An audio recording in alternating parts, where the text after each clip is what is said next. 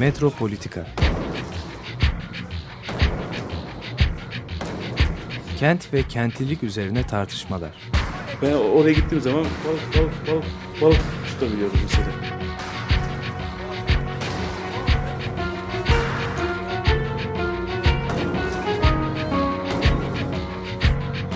Hazırlayan ve sunanlar Aysim Türkmen ve Korhan Gümüş. takusuyor ya. Kolay kolay boşaltamadı. Yani elektrikçiler terk etmedi Perşembe Pazarı merkezini.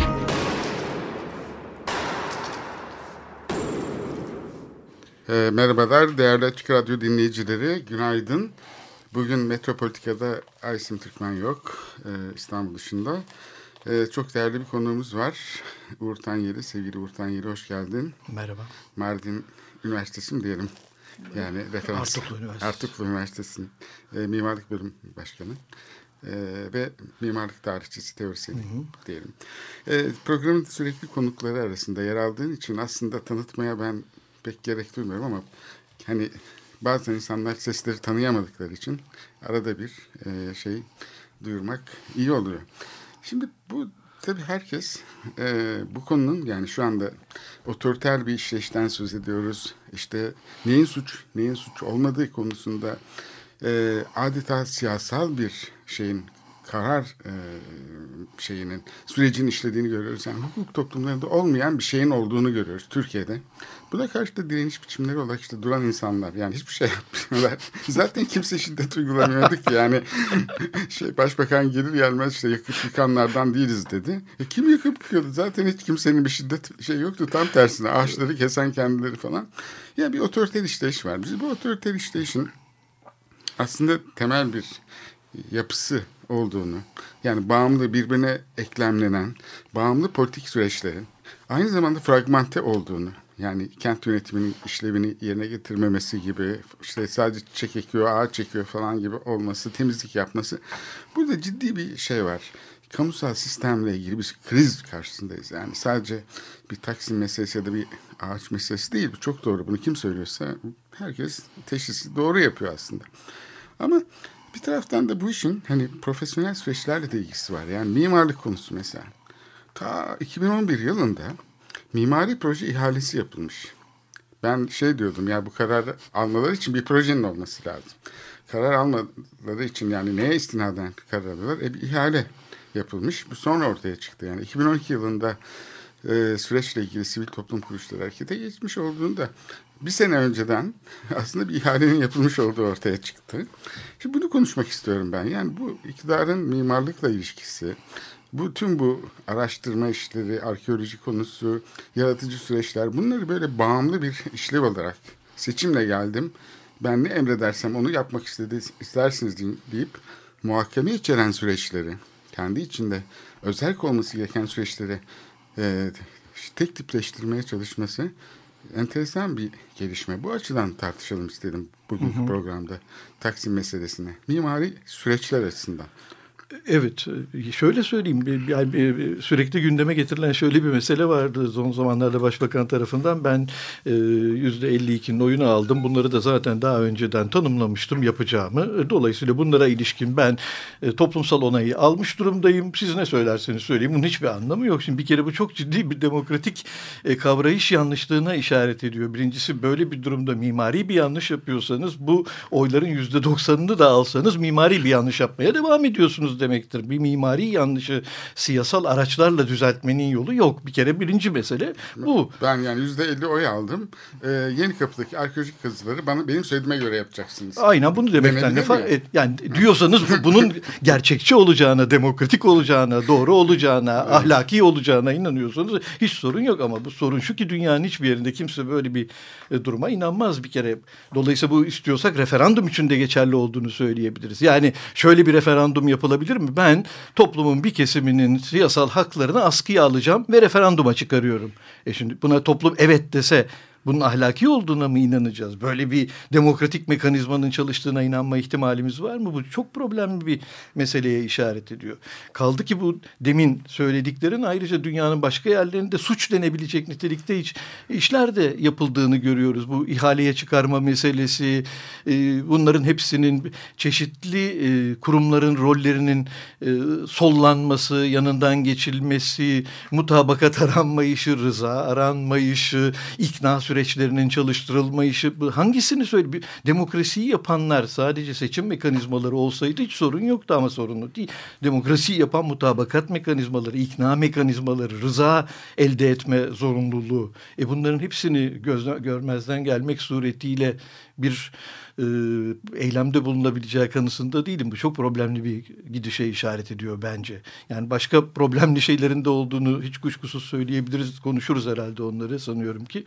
Ama en azından e, demokrasi kavrayışı bağlamında e, bu Gezi Parkı meselesi çok sorunlu gözüküyor. Zaten sonunda bütün tartışmanın Gezi olmaktan çıkıp demokratik bir tartışmaya ya da demokrasi tartışmasına indirgenmesinin nedeni de bu. Aslında Gezi bunun yüzeyde gözüken küçücük bir parçası. Tesadüfen Gezi'den ortaya çıktı. Ama besbelli ki başka bir şeyden de, başka bir şeylerden de ortaya çıkacakmış. Zaten evet. bu demokratik evet. tıkanma bu sorunu üretiyor. Yoksa Gezi üretmiyor. Gezi sadece tıkanmayı o kadar somut biçimde görebildiğimiz bir olay haline geldi ki neredeyse hiçbirimiz kayıtsız kalamadık açıkçası. Böyle evet orada şeyin imha edildiği bir durum var. Düşüncenin. Yani e, Gezi projesinin başlangıcından itibaren e, Taksim için belediyenin yapmaya da e, başbakanın yapmaya çalıştığı aslında projenin e, başından beri bir e, şeyi kendi dışındaki şeyleri imha etmeye e, çalışması var. Yani mimarlık konusu böyle, düşünce geliştirme böyle, yerel yönetim hatta seçimle gelmiş bir yerel yönetim var ve yerel yönetim bir düşünce eşiği oluşturmuyor. O sadece emir komuta içinde hareket eden atanmış bir şey olsa, organ olsa hadi neyse ama seçimle gelmiş yani. Şimdi bu seçim meselesi deyince başbakan işte burada seçimle geldi. Peki o ne yapıyor? Unuttuk. Biz bu kentte bir belediye olduğunu unuttuk değil mi? Kesinlikle. e, bu bence çok güzel. Biraz önce başladığımızda sadece çiçek böcek eken bir örgüt olarak görülüyor. Yani Türkiye'de şu anda yerel yönetim diye bir örgütün olmadığı gerçeğini anlamış bulunuyoruz. Yani yerel yönetim düzeyinde demokratik bir yapılanmanın aslında söz konusu olmadığı açık biçimde gözüküyor. Açık biçimde gözüktüğü şuradan belli ki biz e, belediye başkanı diye bir adamın var mı? Nerede oturur? Bu konularda bir fikri var mı? Hatta belediye başkanı ile ilgili e, videoya düşen o komik bir toplantı şey var. E, söyleşi metni var. E, orada ne diyelim e, bundan sonra ne olacak diye soruluyor belediye başkanı. Bana bu soruyu soramazsın. kime soracağız bu, bu soruyu? Kime sorulmasını bekliyor belediye başkanı? Başkanı. Dünyanın başka yerlerinde bunlar belediye başkanlarına soruluyor. E, yerel yönetimlere soruluyor ama evet Türkiye'de yerel yönetimin olmadığını ve e, öyle gözüküyor ki Türkiye'de de belediye kurulduğundan beri bir adım yol alınmamış. Yani bu kabaca Tanzimat Belediyesi'nden beri belediye Türkiye'de gerçekten de operasyonel bir tür e, merkezi yönetimin Alet, örgütü. Alet, aleti. Aleti evet. gibi çalışan Aynen. bir şey yani. Aynen onun gibi. Ya yani onun operasyonel şeylerini yapar. Yani ne diyelim kanalizasyon istasyonları kazar. İşte çiçek dikilmesi gerekiyorsa çiçek diker. İhale eder yani. Onu İhale, evet, aynen. Müteahhitlere aracılık aynen. eder. Ama asla bir demokratik e, karar mekanizması Hı. değildir. E, toplumla de, diyalog kurmanın araçlarından biri değildir. Toplumun ta kendisi asla değildir. E, aslında yerel yönetim yoktur. Yani bu son geldiğimiz noktada çok ilginç bir biçimde demokraside bu kadar yol aldığımızı söylüyoruz ki bir ölçüde yolda aldığımızı inkar edecek durumda değilim. Ama komik olanı yerel yönetimin e, bir kez daha yok edilmesi pahasına bir yol almak da e, dünya çapında benzersiz bir durum olsa gerek. Yerel yönetimin söz konusu olmadığı bir demokratik sistemin e, var olabilme ihtimali bana e, çok olanaksız gibi geliyor. Türkiye'de şu anda geldiğimiz nokta tam da bu. Gerçek evet. bir iflas noktası Kesinlikle. bence yerel demokrasi bağlamında. Yani belki bu krizden çıkarılacak birinci ders kent yönetimleriyle ilgili e, problem. Çünkü Türkiye'nin ulusalcı rejimi merkezi otoritenin yerel ekonomiyi, şehir ekonomisini kontrol etmesine dayanıyor. Ve bunu da bir şeyle pekiştiriyor. Ulusalcı ideolojiyle. Kim gelirse iktidara böyle. Ve burada tabii bunun arkasındaki bu imar operasyonları, işte gelir transferi için kent topraklarının kullanılması buna aracılık ediyor. O yüzden sahiden Taksim meselesi çok önemli bir siyasi soruna dokunuyor. Çünkü oradaki yapısal bir sorun ortaya çıkmış oluyor. Sadece Taksim bir eski siyasete göre bir e, kim kamusal alanını ele geçireceğin simgesi değil. Yani o açıdan da bir simge şüphesiz ama aslında bu siyasetin nerede tıkandığının ve nasıl çözülebileceğinin de aslında bir göstergesi. Evet. Şimdi bu toplumu kutuplaştırıcı şekilde devam etmesini kimse anlayamıyor. Yani nasıl olur da bir Taksim şeyini tartışırken biz birdenbire ölüm kalım meselesi haline getiriyoruz. Yani bu da var. Yani çocuk işte şey mi okula mı gitsin işte şey mi olsun falan diye hangi mesleği seçsin falan diye anne baba kar, e, karşı karşıya gelmişler. Hani ama ondan sonra karar veremiyorlar. Çocuğun kafasına çekişe Çocuğu vuruyorlar. dövüyorlar. Çocuğu dövüyorlar. Evet. Kendileri Aynen. karar verecekler. Ne? Evet. Çok bence tam bu oluyor. Türkiye'de olanın bu kadar iyi bir metaforik açıklaması bence olamaz. Evet, karar veremeyip çocuğu dövmek suretiyle meseleyi halletmeye kalkma. Sen niye çıktın karşıma şimdi? başıma bela diyerek aynen Evet. E, olan e, yani bilmiyorum E, bunu bence hükümet öngörebilmeliydi. Yani şayet demokratik bir açılım en azından başta amaçladılarsa demokratik açılım yolu açıldığı anda kaçınılmaz olarak bunun yerel yönetim ucu olur.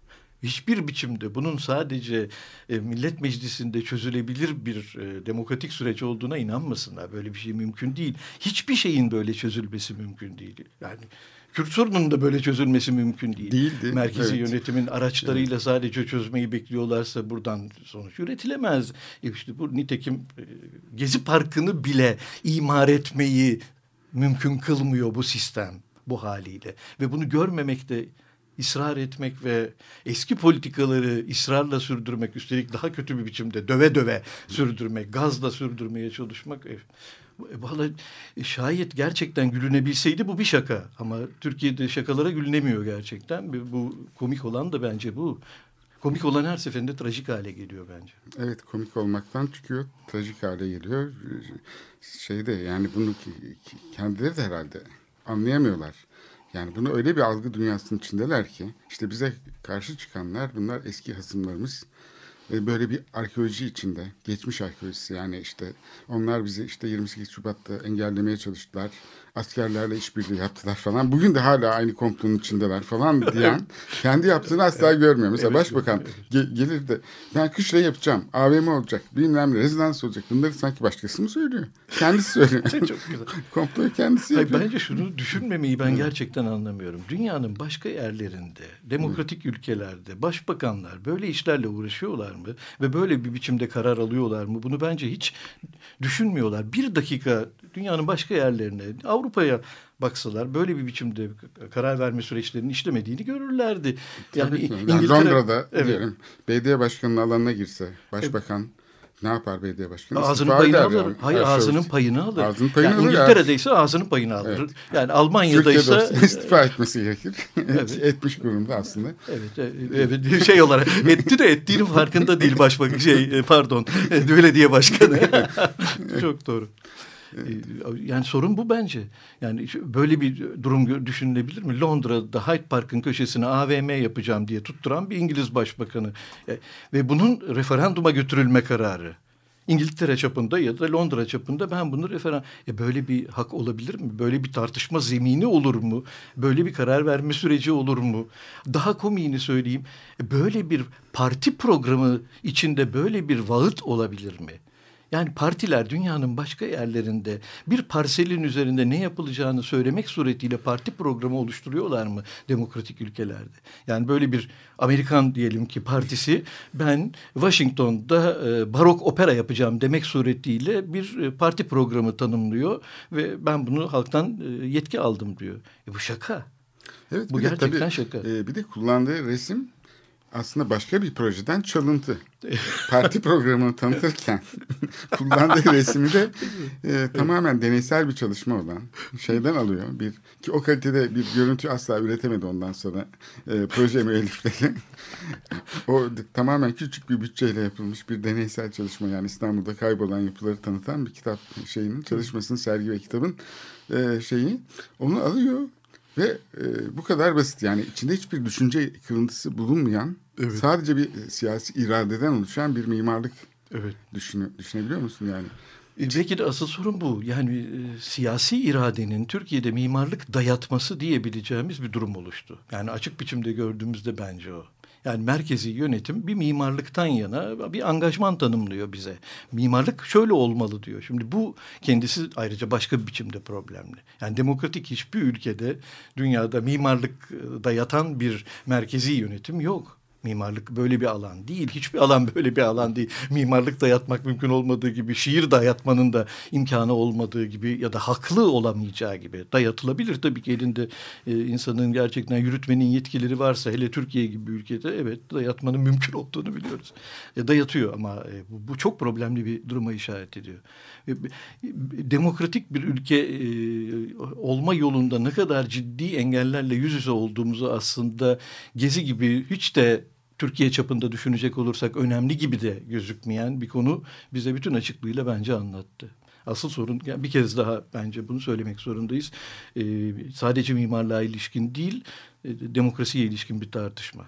Çünkü demokrasi Kesinlikle. tabii Medyada işte görüyoruz yani e, şeyle alakası yok artık siyasi tercihler falan değil doğrudan duruyor bağımlılık ilişkisi.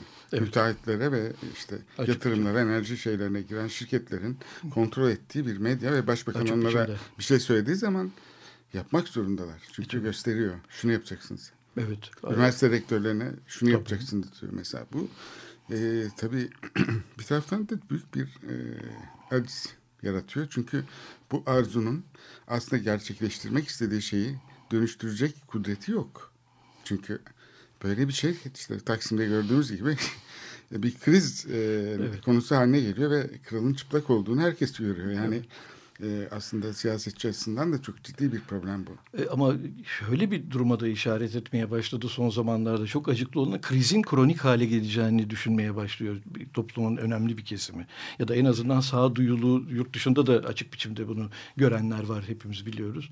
E, böyle bir kriz sadece krizler e, geçici olurlarsa e, olumlu bir sonuç bile verirler. Ama kriz kronik hale gelirse e, bu Türkiye hesabına bir ciddi bir gelecek endişesi doğuruyor ki e, doğrusu benim gibi bir e, fazla iyimser bir adam bile ki ben iflah olmaz bir iyimserim. E, ben bile krizin kronik hale gelme yolunda ilerlediği kanısındayım doğrusunu söyleyeyim. Peki Ve dünyada benzersiz olacak. Mimarlık üzerinden çıkmış bir kriz. Hani biz mimarlar olarak neredeyse sevinebiliriz. Geçenlerde bir konuşmada öyle dedim. Neredeyse hükümete teşekkür edeceğim. Böyle bir imkan sağladığı için mimarlık üzerinden. Sen de değil miydin mimarlığı bu kadar önemsemeyin. Mimarlık aracılığıyla dünyayı değiştirmeye soyunmuş 19. yüzyıl şeyleri gibi davranmayın falan diyen mimarlara aynen. ders verirken. Al sana. Geldiğimiz nokta bu. Evet, şaşırtıcı. Ama tabii şey e, bunun arkasında aslında başka bir şey gizli. Çünkü hani mekanın araçsallaştırılması ya da üretim alanının yani yerel e, dediğimiz şey bütün sınıfsal asimetrinin üretildiği yer, sınıfsal şiddetin üretildiği yer. Bu mekan üzerinden politika şekilleniyor aslında. Ama bize şöyle yutturuyor. Aslında bu alan siyasi değildir. Çok Çünkü güzel. sürekli bir boş gösterilen olarak o statüde sabitlenmiş oluyor. Çünkü teknik bir işgidir o. Evet. O yüzden de zaten yerel yönetimin ismi var, cismi yok. Sürekli bu kutsal ideolojilerle şekillenen ulusal e, alan yereli bu şekilde önemsizleştiriyor ama aslında önemsiz olduğu için değil. Siyasetçiler bunu çok önemsiyorlar. Bunun için de yoğruluyorlar, kavruluyorlar. Yani bu merkezi siyasetin yereli bu şekilde kullanması tamamen şey ama bize bunu yani bu alan siyasi değil. Yani Evet. bu konular siyasi konular değil. Hatta ya bunlar Taksim'le uğraşıyorlar. Bu ciddi bir konu değil falan diyen çok siyasi arkadaşımız vardı soldan. Tabii. Yani siz işte böyle çiçek böcekle uğraşırsınız falan. Ya biz bu siyasi bir konudur falan diye anlatmaya çalışırken ya siyaset Ankara üzerinden yapılır gibi bir şey. Şimdi o yüzden hani mimarlık demeyelim ama bütün entelektüel üretimi isterse çevre konusu olsun, isterse arkeoloji konusu, kültürel miras ne olursa olsun insanların yaşamlarıyla ilgili bir konu olduğunu ve şiddetin orada görünmez kılındığını, saklandığını o yüzden de bu kamusal, kamusal alandaki örtüyü kaldırma meselesi olduğunu söyleyebiliriz. Bu açıdan krizin kronik olduğunu düşünmüyorum. Çünkü kronik olan aslında bugüne kadar olandı. Çünkü bu krizi hep yaşıyorduk yani. Kamu çarçur ediyor bütün kaynakları, tüketiyor işte askeri bir güvenlikçi ideolojiyle bakıyordu. Bütün yerel şeyleri bastırmaya yani Cumhuriyet tarihi boyunca bütün Anadolu'da çekilen ızdıraplar bilmem neler işte Cumhuriyet kurulurken çekilen ızdıraplar nüfusun yer değiştirmesi ölümler falan bu bu şiddet modeli e, sürekli tahrip etti bu toprakları. Yani çok zengin toprakları, bu, bu kadar e, zengin insan şeyi olan e, to, alanı e, bir şeye dönüştürdü. Yani bir çorak alana dönüştürdü. E, bunun tabii e, belki de dönüşeceğinin işaretlerinden iki tanesi bu hükümet zamanında atıldı. Bir tanesi Kürt meselesinde 100, yıl, 100 yıllık savaşa son vermek için belki de biraz uluslararası nedenlerle adım atıldı ama bunun şeyleri yok. Araçları henüz ortada yok. Nasıl yapılacak bu? İkincisi askeri vesayetin kaldırılması. Peki askeri vesayet kaldırıldığı anda e, sadece bu bir kontrol mudur? Askerlerin sadece kontrol edilmesi midir? Polis mesela aynı şey yaparsa ne olacak? Evet. Ya da ne bileyim e, bürokratik başka kurumlar yok mu? Yani biz e, devlet dairesinde sadece e, hükümetle mi karşı karşıya kalırız? Yani bütün e, evet. bürokratik oligarşi acaba e, aynı şekilde içeriklendiriliyor mu? Katılım aracılığıyla işleyen arayüzleri oluşturabiliyor mu? Yok. Tamamen siyasete bağımlı. Öyle olunca tabii e, bu e, problem çözülmüş olmuyor. Çünkü niyet etmek yetmiyor. Evet. Niyetlerden ibaret değil. Bunun işleyişle ilgili çok temel maddi mekanizmalarının konuşulması gerekiyor. Bu iş çalışmayı gerektiriyor yani. Çünkü Avrupa Birliği meselesiyle ilişkimiz bizim mesela böyle. Oradaki dispozitifler yani oradaki ihaleyle ilgili, rekabet normları ilgili şeyler Türkiye'ye uymuyor. Şimdi mesela bu Taksim'deki kışla projesi ya da tünel projesine bakarsak ikisi de ayrı ihale konusu. İhalede şöyle oluyor. Üç yerden teklif getir. En düşük olan seninki olsun diyor kamu otoritesi. Büyük ihtimalle çünkü bu hizmet alımı şey olmadığı için hani hani kereste satın almak olsa belki mukayese edilebilecek bir durum var. Ortada proje olmadan neyi ihale ediyorsun? Yani içi belirlenmemiş e, bir konuyu hadi onu da e, başbakan tanımlıyor zaten. Kışla yapılacak diyor mesela. Çünkü ihaleyle ancak bu olabilir. yani deneysel bir konu ihaleyle en düşük fiyatı ve zaten şaka, zaten şaka gibi olan da bu.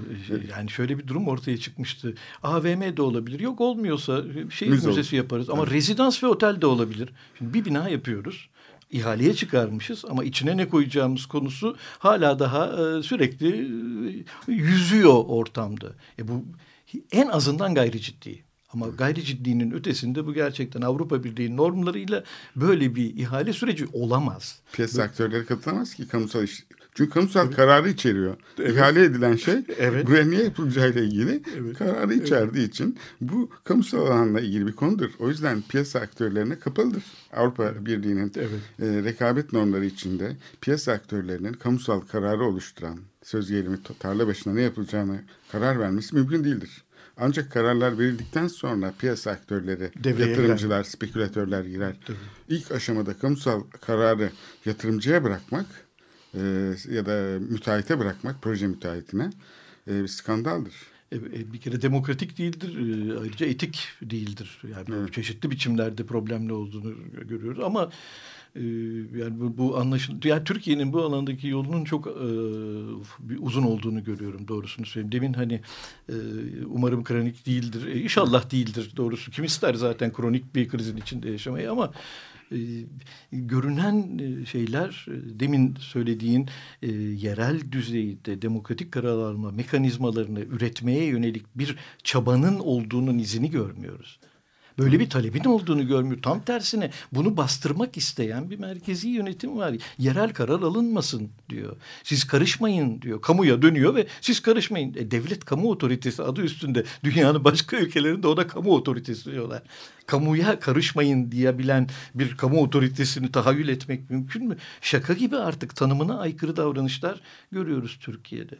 E bu bunu anlamakta gerçekten zorluk çekiyorum. Yani bu kadar ısrarla bunu bir inanta dönüştürmeyi, uzlaşmadan bu kadar uzaklaşmak için elinden geleni yapmayı e, ben anlamlı bulmuyorum doğrusu. Bundan bir siyasal e, sonuç elde edileceğini bekliyorsa birileri e, bundan anlamlı bir siyasal sonuç çıkmaz. Yani bundan uzun vadeye yayılmış bir kavga ortamı çıkar ama en kötüsü demokrasiye buradan bir yolu yok. Evet. Asıl sorun o. Yani bu otoriter işleyişin nasıl olacağı konusunda e, karar vermek meselesi değil. Yani yoksa işte iktidar şöyle mi olsun, böyle mi olsun, iktidar istifa etsin, yerine başka bir iktidar gelsin. Böyle bir durum değil. Burada Hayır. ciddi sistemle ilgili, iktidar değil, icraatla ilgili diyelim. İşleyişiyle ilgili bir problem var. Hangi parti olursa olsun da bu değişmiyor. Yani evet AK Parti biraz daha bu işi abartmış olabilir. Yerel e, şeyi araçsallaştırma konusunda. Başbakan da bunu biliyor bu inşaat seferberliğiyle elde etmiş olduğu imparatorluğu sarstığını fark etti. Onun için bu kadar şiddetli. Ama sorun şu ki AK Parti'den önceki yönetimler AK Parti kadar güçlü bir biçimde demokratik bir taleple ortaya çıktıklarını bağırmıyorlardı. Yani AK Parti bizi inandırdı ki demokrasi istiyor ve sonra bakıyoruz ki aslında demokrasi falan talep edilmiyormuş. Yani asıl bence hayal kırıklığı üreten belki de bu kalabalıkların epey kızmasına neden olan şeylerden birisi de bu bir anlamda kendisini insanlar e, aldatılmış gibi hissediyorlar. Çünkü demokrasi talep ediliyor diye varsaydım ben en azından. Ama gördüğüm durumda e, hayır böyle bir talep yokmuş. Demokrasi bu değil çünkü demokrasi böyle olmuyor. Biraz korku da diyebiliriz. İktidar korktu. Korktuğu için yaptığı şeyler sayeden ipe sapa gelmez hale geldi. Yani bütün bu hiçbir şiddet üretmeyen insanların üstüne saldırmak e, zaten ilk gün çıkan e, şeyin e, ortaya çıkan olay tamamen böyleydi. Yani oradaki ağaçlara tutunduk hep birlikte. Ondan sonra bir takım sivil giyimli insanlar geldi. Bir köşede onlar birlikte gece bitiremediler. Yapamadılar operasyon. Çünkü bilmiyorlardı gece orada nöbet tutulduğunu. Müteahhitin adamlarıyla yapmaya kalktılar. Baktılar ki olmadı. Sonra aceleleri var herhalde. Ne olacak canım sivil toplumuna itiraz ederler. Biz işimizi yaparız. Müteahhitte herhalde bir iş planı var falan. Herhalde müteahhitin adamlarıydı o 60 kişi falan. Eli üstü böyle ekose gömlekli sivil güçler. Öbür tarafta da çevik kuvvet. Ee, şimdi böyle bir şeyde insanlar e, tutunuyor artık. Çok kalabalık da değil yani. O protesto falan da etmiyorlar yani. Bunlar e, insanları sökmeye çalışıyorlar ağaçlardan çünkü belki e, polisin yönetmeliğinde duran bir insana şiddet uygulayamazsın diye bir madde olabilir. Sonra gerçi vazgeçtiler bu maddeden ama Bilemiyorum. onun için bu sivil güçleri getirmiş olabilirler takviye olarak. Onlar çünkü şey değil. Onlar her- herhangi bir kurala tabi değil. İnsanları böyle sökmeye çalıştılar ağaçlardan falan. Savuruyorlar falan. Ondan sonra polis de ha kavga çıktı deyip gaz sıkıyor tamam mı Bu güzel. insanlara. Bu yani ondan sonra zaten e, şey oldu bu. Şiddetin e, şiddet sarmalına girmiş bir durum var. Yani iktidar ne yaparsa yapsın şunun hesabını veremez. Yani duran bir insana şiddet uygulama hakkı olamaz. Gösteri yapan bir insana da olamaz. Hadi duran demeyelim gösteri yapan, Gösteri yapan düşüncesini ifade eden Protesto eden ne olamaz? Şimdi mesela Taksim gezisinde o meşhur e, operasyon saat 8'de yapılan e, oradaki o filizlenmiş olan e, ilginç e, durumu yok etmek için, tarihten kazımak için yapılmış operasyon diyeyim ona. Çünkü onları herhalde çok rahatsız ediyordu ki öyle uzaktan baktıkları bir şey oldu. O sırada bir takım insanlar orayı terk etmeyeceğiz dediler. Biz hiçbir şey yapmıyoruz. Yani ben parkın bir kullanıcısı vatandaşım. Yani bunun olağanüstü bir dönem mi yaşanıyor? Yani burada savaş mı geçiyor? Yok. Burası bir park. Ben de burayı terk etmiyorum. Oturacağım burada. Diyen insanlara şiddet uygulandı. Gaza boğdular o insanları. Evet. Bu çok e, ayıp bir şey. Yani bu sayeden parkta oturan bir insanın düşüncesine göre ayrım yapılmaz. İster e, o parkta orayı korumak için e, oturuyor olabilir. isterse oradan geçiyor olabilir. Ama niyetine ve şeyine bağlı olarak e, üstelik de polisin verdiği kararla orada duran insana saldırmak bence suç teşkil eder. E, açık biçimde suç bence de. Yani Yani, bu, yani bu hukuki şeylerini doğrusu ayrıntılı bilmiyorum. Hukuk, ikimiz de hukukçu Evet. değiliz ama e, bunun suç olduğu konusunda kesinlikle inanıyorum. Ya şu anda bile bir parkı hangi gerekçeyle kapattıklarını açıklayabilirler mi? Ben polisin böyle bir yetkisi var mı? Kentin bir parçasını ben kapatıyorum. Peki niye kapatıyorsunuz? İnsanlar o parka gitmesin diye. Tek gerekçesi bu. E, böyle bir gerekçe dünyanın neresinde var? Yani hangi amaçla Bu sokaktan geçilmeyecek diyor polis. Bundan sonra. Niçin? Bir asayişsizlik sorunu mu var? Hayır hiçbir şey yok. Orada bir, bir e, ne diyelim bir e, suç alanı mı var? Onu mu çiğniyorlar? Hayır, hayır hiçbiri değil. Orası bir park ve kamu alanını ben kapattım diyen bir otorite. E, Ben e, bunun başka yerlerde ciddi yargı uzanımları olabilmesi gerektiğine inanıyorum. E, hayır burada hiçbir şey olmuyor. Yargı zaten burada hiçbir şekilde yok. kamusal müdahale o kadar e, tuhaf bir şey içerir ki kendi içinde e, zorluk. Evet. Öyle e, iki dudak arasından çıkan bir şey orayı kapatın demekle olmaz. Evet. proje teklifleri yapılsa bile, kararlar alınsa bile bunlar inanılmaz bir istişare sistemi içinde geliştirilmesi gereken konulardır. Bugün e, İslami kesimden insanlar, aydınlar açıklama yapmışlar. Bu konuya çok önem veriyor onlar. E, ilginç. Ben yani İslami kesimden de böyle bir ses çıkmasını çok e, anlamlı buluyorum. Yoksa zaten meseleyi eski siyaset kalıplarına taşımaya gayret eden bir başbakan var. Ve bunu da e, o şekilde e, telafi edecek, bu krizi görünmez kılacak bir yöntem izlemeye çalışıyor şu anda hükümet. E, Valla burada demokratik talebi olan herkesin burada e, eleştirel bir mesafe alması gerekir mevcut duruma. Yani bunun artık şeyle hiçbir ilgisi yok. Bu siyasal görüşlerimizin e, İslamcı oluşuyla, sosyal demokrat oluşuyla, komünist oluşuyla ne, ne olursa hiçbiriyle ilgisi yok. Bu tamamen artık daha temel bir meseleye indirgenmiş gibi gözüküyor demokrasi talep eden herkes buradaki duruma ilişkin eleştirel bir pozisyon almak zorundadır. Demin söylediğim gibi yargının duruma hiç el atmayışı e, bu problemli bir şey. Evet. Hiçbir biçimde burada yargı kendisini talep e, taraflardan biri olarak görmüyor. E, duran adamın tutuklandığı bir ülkeden bahsediyoruz. Hangi suçta durmak diye bir suç dünyanın neresinde var bilmiyorum.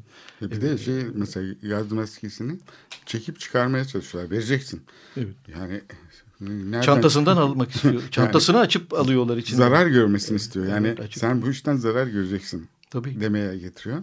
Bir de şimdi ben bu e, gaz meselesinin şehri nasıl yaşanmaz kıldığını kaç kere tanık oldum yani burada yaşayan bir insan olarak hala apartmanın içi merdivende burnum yanıyor gözlerim yaşarıyor yani hala koku gitmedi e, evin içine kadar sıkmışlar yani e, ve e, bu işkence değildir de nedir? E, biber gazlı su sıkmak dünyanın her yerinde suç. Hani kimyasal silah kullanmaktan bahsediyorlar. Kimyasal silah nedir? Ya kimyasal silah ille siklon B gazı olması gerekmiyor. Terkibine göre değişiyor. Her, öyle mi zannediyorlar? Bu da kimyasal işte. Evet, bu da kimyasal. Yok bu ilaçmış. Böyle bir şey olabilir mi? Zarar vermek için sıktığınız her şey bir Bo kimyasal. insanlar evet, özellikle e, yaşlı insanlarda nefes alma sorunu olan şey olan insanları yani boğan bir gaz bu. Yani çok şiddetli bir zarar da veriyor. E şöyle söyleyeyim dünyanın pek çok yerlerinde bildiğim kadarıyla yani çok iyi bildiğim bir konu değil ama e, bunun kullanımının yönetmelikleri var. Yani biber gazı kullanımının yönetmelikleri var. Birisini burnuna gidip biber sıkı gazı sıkamazsınız. Işte. Sıkamazsınız. Evet. Böyle bir hakkınız yok. Ortama evet. sıkılabiliyor en fazla. Orada bile bunun kullanılabilmesi için epey bir koşulun yan yana gelmesi gerekiyor. Her gördüğünüz e, göstericiye evet duran herkese biber gazı sıkmak yöntemiyle biber gazı kullanılamaz. Ancak şiddet uygulanırsa. Evet. Şimdi biber gazının şeyi bu. Şiddet uygulayan bir şeye karşılık. Orantılı evet. güçlenen şey budur zaten. Evet. Ee, şimdi duran bir insana, protesto eden insana, bir yerde toplanan insana biber gazı sıkma hakkı evet başkalarının sağlığını zarara düşüren bir gösterici Hı. grubu varsa onlara sıkarsınız. Çatışma Baş, hali varsa. Başkalarına zarar veriyor ama hiç evet. kimseye zarar vermeyen ağacın yanında oturan adama biber gazı sıkma yöntemi bu dünyanın hiçbir yerinde bunu izah etmenin imkanı yok ve edilemiyor da zaten. Evet, yani her yerinde artık ya kahkaha ile gülünüyor ya ciddi biçimde tepki veriliyor. Çoğu zaman ikisi birden oluyor. Yani ilginç bir biçimde de bu olmaya başladı. Çünkü o kadar e, gülünç bir hale de dönüşmeye başladı ki insanlar artık gülüyorlar, dalga geçiyorlar. Evet burada tabii hani başbakanın mimari takıntısından başlayarak her şey birbirine böyle silsile halinde bağlı. Çünkü bu işi yani bu tuhaflığı e, şey yapabilmek, sürdürebilmek için bunu yapmak zorunda. Yani bir projeyi ihaleyle elde edip kendi kafasına göre belirleyebiliyorsa bir başbakan ta 2011 yılında hatta 2000'li yıllardan önce diyelim kafasında hep böyle bir şey programı varsa e burada şeyi felç eden e, düşünsel şeyleri yüzeyleri yok eden yani bir toplum sadece başbakanın vereceği kararlarla yönetmeye çalışan yani seçimle dahi gelmiş olsa e, yeryüzüne inmiş bir tanrı olamaz. Yani tanrısal bir güç haline gelmiş oluyor. E, şöyle söyleyeyim mi? Yani seçim bir demokrasinin e, gerek şartıdır ama yeter şartı değil. Hani e, matematikte böyle bir terim var. Gerek ve yeter şart diye. Evet demokrasiler Gerekli bir şeydir, tamam. evet zorunludur. Gere Tabii. Seçimsiz Seçim. bir demokrasi olamıyor. Bunu Tabii. hepimiz kabul ediyoruz ama sadece seçimli bir demokrasi de olamıyor. Başka şeyler gerekiyor. Yani şu anda bence topluca bütün Türkiye'nin öğrenmekte olduğu ama galiba bir iktidarın öğrenmek istemediği budur. Seçim gerek şarttır ama yeter şart değildir demokrasiler için. Evet, hukuk dediğimiz şey zaten e, şeyler arasındaki ilişkileri düzenlemek demek. Bu yüzeyler arasında yani muhakeme gerektiren işler var, e, başka şeyler var, öncelikler var. Bunları siyaset aracılığıyla çözmeye kalkmak, siyasetin alanını daraltmak demek bir kere her şeyden önce. Siyaset o kadar dar bir alana sıkışıyor ki müteahhitle başbakan yan yana girip kente yapılacak bir ulaşım projesi hakkında karar verebiliyor. Beş yılda bir de doğru mu yaptık diye soruyorlar ve cevap almayı bekliyorlar. Böyle bir böyle bir böyle bir karar Acaba verme doğru mu? Evet böyle bir veya karar verme mekanizması yok. Ne yazık ki böyle yok. Bilemiyorum yani e, tuhaf. Şimdi kardeş türkülerden dinleyeceğiz. E, tencere tava e, havası. E, ondan sonra söyleşimize devam edeceğiz. Ben tek şey söyleyeceğim. Tencere tava hep aynı hava.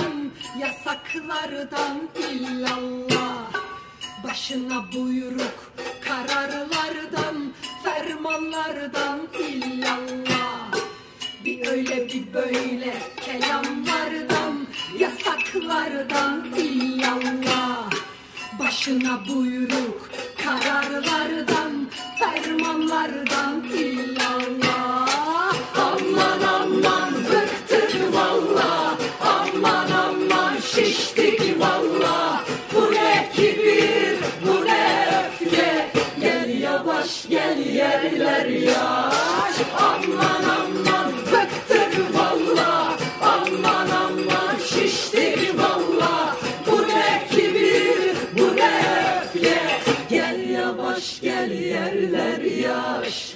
Gel yavaş gel yerler yaş.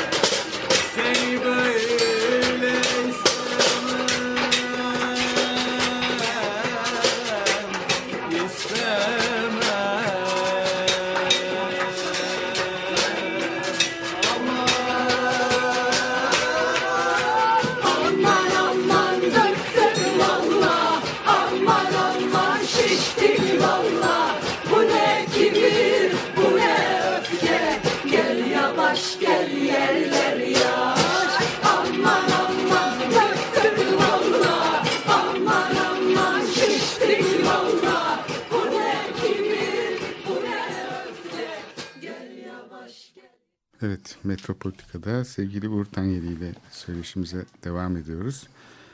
kronik kriz, krizin geldiği nokta yani Türkiye'de kamu sisteminin krizi e, Taksim meselesi nedeniyle ortaya çıkan. E, bize bunun tabii bir fırsata dönüp dönemeyeceği ihtimali. Yani bence asıl e, mesele yani böyle bir yerde tıkınıp kalmak değil, iyimserlik üretmek. Yani burada bir kriz var. Bu krizin ortaya çıkması da aslında iyi bir şey. Yani gözükmesi çünkü görmeden, bilmeden sanki yokmuş gibi davranarak yaşıyorduk, yaşanıyordu. Dolayısıyla burada bir kriz ortaya çıktı.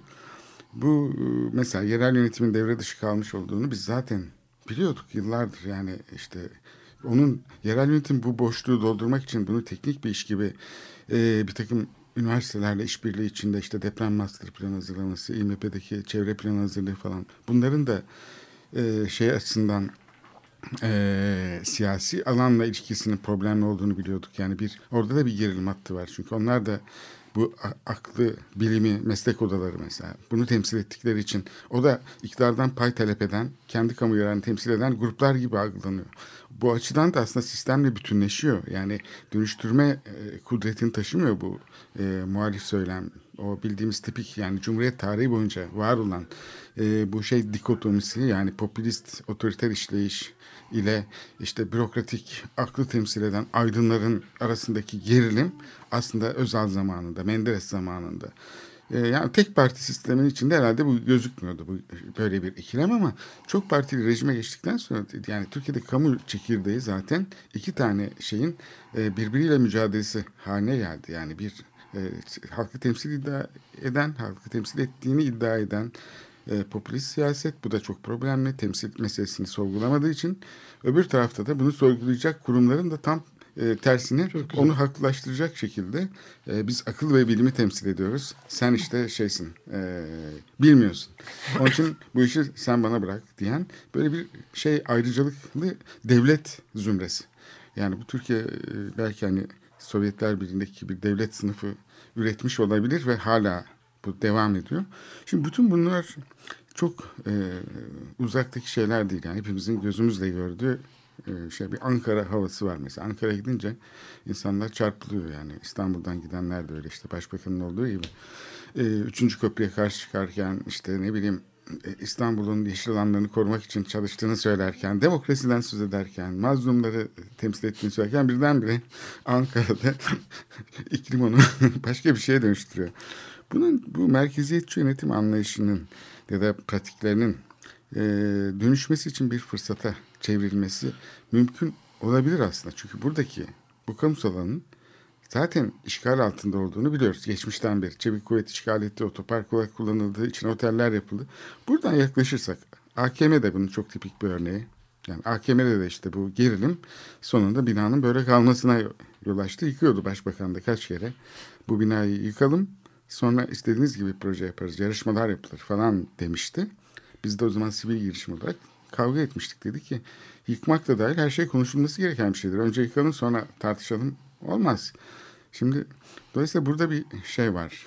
Ee, ortaya çıkan bir fırsat da olabilir mi? Çünkü bu meseleleri çünkü şey yapmadan böyle krizlerle yaşamadan Türkiye çözmüş bir ülke değil.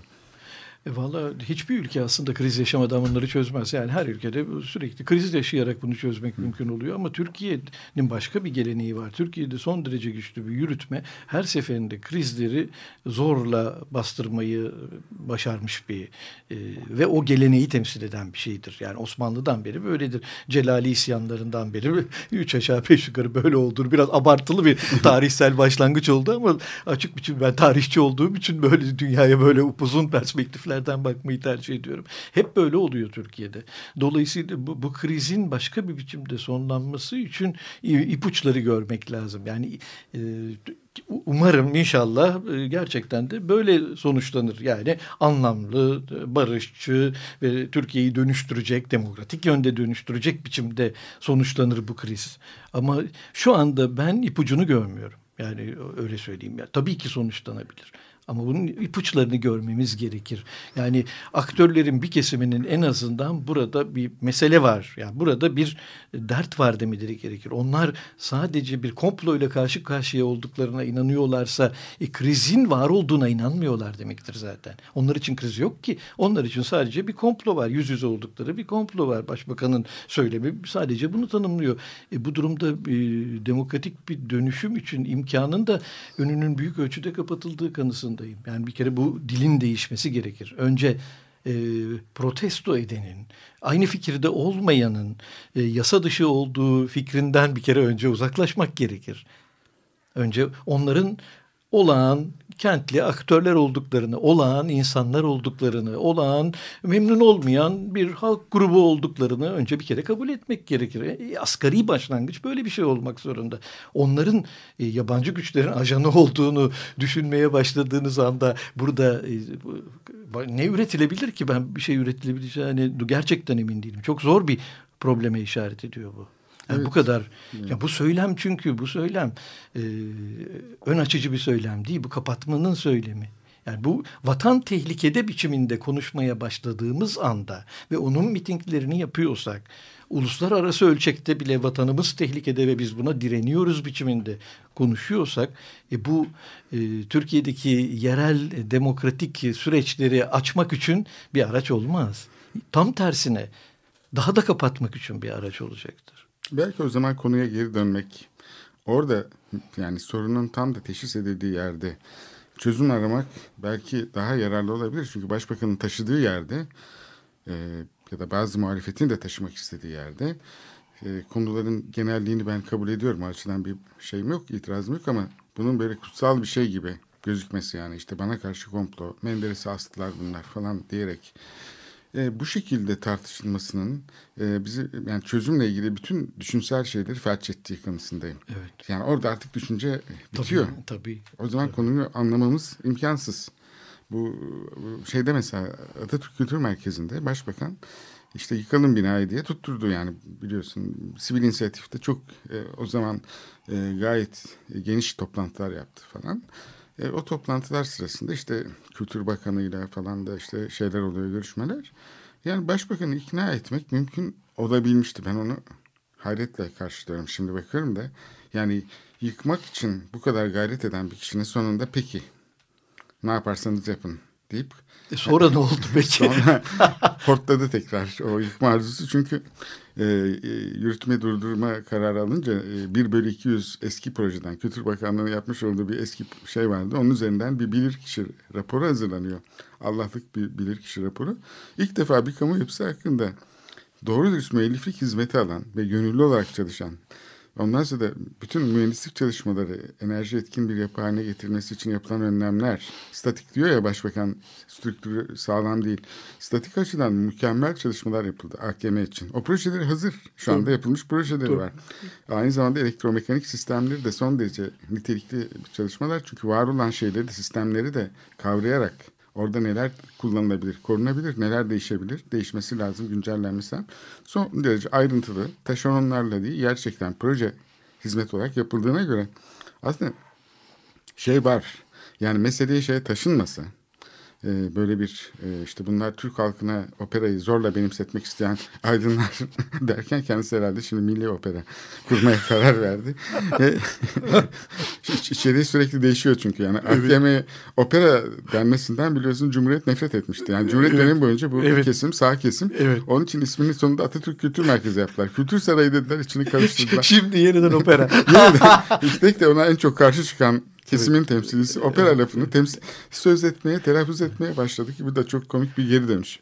ha, yine de bir yol alıyoruz demek ki diyeceğim neredeyse. Bence şey yapmak istiyor. Karşı tarafa bir rüşvet vermek istiyor. Çünkü bu 28 Şubat sürecinde çok alıştığı bir şey. Ee, satın alırsan karşı tarafın şeylerini o zaman hiç olmazsa susarlar. Yani bu proje işlerini dağıtırsan falan bunu anlatmışlardı geçmişte. Yani eleştiren falan olursa bunları bu şekilde telafi ediyoruz. Onları susturmayı başarıyoruz. Sonuçta herkes çıkarıyla hareket etmek zorunda. Ekonomik insan böyle bir şey. Ama Türkiye için bir şey söylenir genellikle siyaset literatüründe kliyantalist bir yönetim var diye. Bu müşteri devlet ilişkisi biçiminde tanımlanan ve demokratik sistemlerin epi ilkel bir formuna işaret eden bir şeydir. Bir şey atarsınız ortaya bir imkanı. Onunla oyalanırken siz eylemde bir bulun bir anlamda e, alan razı satan razı sistemi içinde çalışan bir e, demokratik mekanizma epi ilkel bir demokratik mekanizmadır aynı zamanda. E, bu Türkiye'deki durum zaten e, sosyal bilimcilerin, siyaset bilimcilerin uzun süredir fark ettikleri gibi böyle bir şey. Burada da bir kez daha bunu görüyoruz. Hani AKM özelinde de. Çok özel bir şey görmüyoruz. Sadece artık eski kuşakları rahatsız etmeyen bir şey yeni kuşakları rahatsız ediyor. Yani aslında geldiğimiz noktada bence olumlu olan şey protestocuların pozisyonu. Çünkü protestocular eski protestocular gibi konuşmuyorlar. Ya bu ben bana umut veren bir şey varsa protestocuların dili. Evet, onlar İktidarın dili değil. Bağımsız dil Evet. kuruyorlar. Yani aynı semantik içinde değiller. Hayır. Karşı çıkarken de değiller. Başka bir dilden konuşuyorlar. Onlar eski terimleri tekrarlamıyorlar. İşte u- ulusal laf sözleri söylemiyorlar. Bir zamanlar e, şey yapılmıştı deminki de o teknokratik söylemlere prim vermiyorlar. E, Belli bir partinin söylemine prim vermiyorlar. Kendi dillerinden konuşan bir protestocu tipi var. Türkiye ilk defa görüyor bence. Ama bu işte siyasi alana yansıyamıyor yeteri kadar e, diyebilirim. Çünkü bu son tartışmalarda yine Ne bilim siyaset ikilemine sıkışıp kaldık bu referandum tartışması konusunda öyle. olduğu gibi. Ne yazık. Evet ve hayır. Ne yazık ki. evet. Yani şimdi ben referandumda hayır da versem bana saçma geliyor. Aynen öyle. Evet de versem saçma çünkü ben bu halinden de memnun değilim. Ayrıca bir düşünsel sürecin bu şekilde kapalı uçlu olması Böyle bir mümkün şey değildir. Yani bir mimarlık konusuna bu şekilde e, yapsınlar mı yıksınlar mı böyle bir seçenek olabilir. Ya bir yelpaze var önümüzde. Biz iki ucundan başka yerini görmüyoruz yelpazenin böyle gülünç bir şey olabilir mi? Böyle bir tartışma zemininden bir yere varılabilir mi? E varılamaz. Yani bu protestocuları anlamakta değil bence. Tam tersine. Protestocuları bu kadar anlamama hali tuhaf. Evet şimdi bu sokaktaki bu şeyin yenilenmenin aslında e, siyaset kurumuna ve devlete, kamuya ihtiyacımız olduğunu düşünürsek buraya taşınması için e, gayret etmek gerekiyor. Çünkü bunun sokaktaki insanlara da sadece sokakta yapılması da mümkün değil bu işin. Diplomasi yolu var, işte kurumlar var. Ya bu kurumları tamamen devre dışı bırakacaksın ki bu da imkan dahilinde değil. E, vergi ödemeyeceksin falan. E, dolayısıyla iş e, epey bir ciddi kamu reformu haline getiriyor. Çok teşekkürler Uğur, sevgili Uğur bu programa katkıların dolayısıyla. Ben teşekkür ederim. E, yine görüşmek üzere diliyorum. diyorum. Hoşçakalın sevgili Açık Radyo dinleyicileri.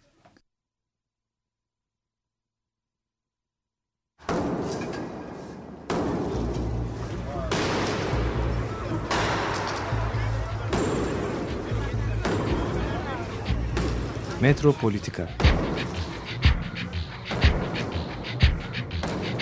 Kent ve kentlilik üzerine tartışmalar.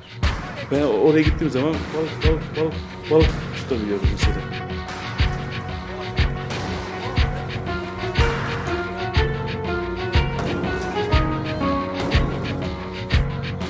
Hazırlayan ve sunanlar Aysim Türkmen ve Korhan Gümüş.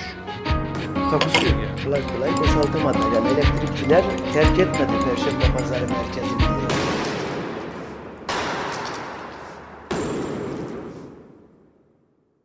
Açık Radyo program destekçisi olun. Bir veya daha fazla programa destek olmak için 212 alan koduyla 343 41 41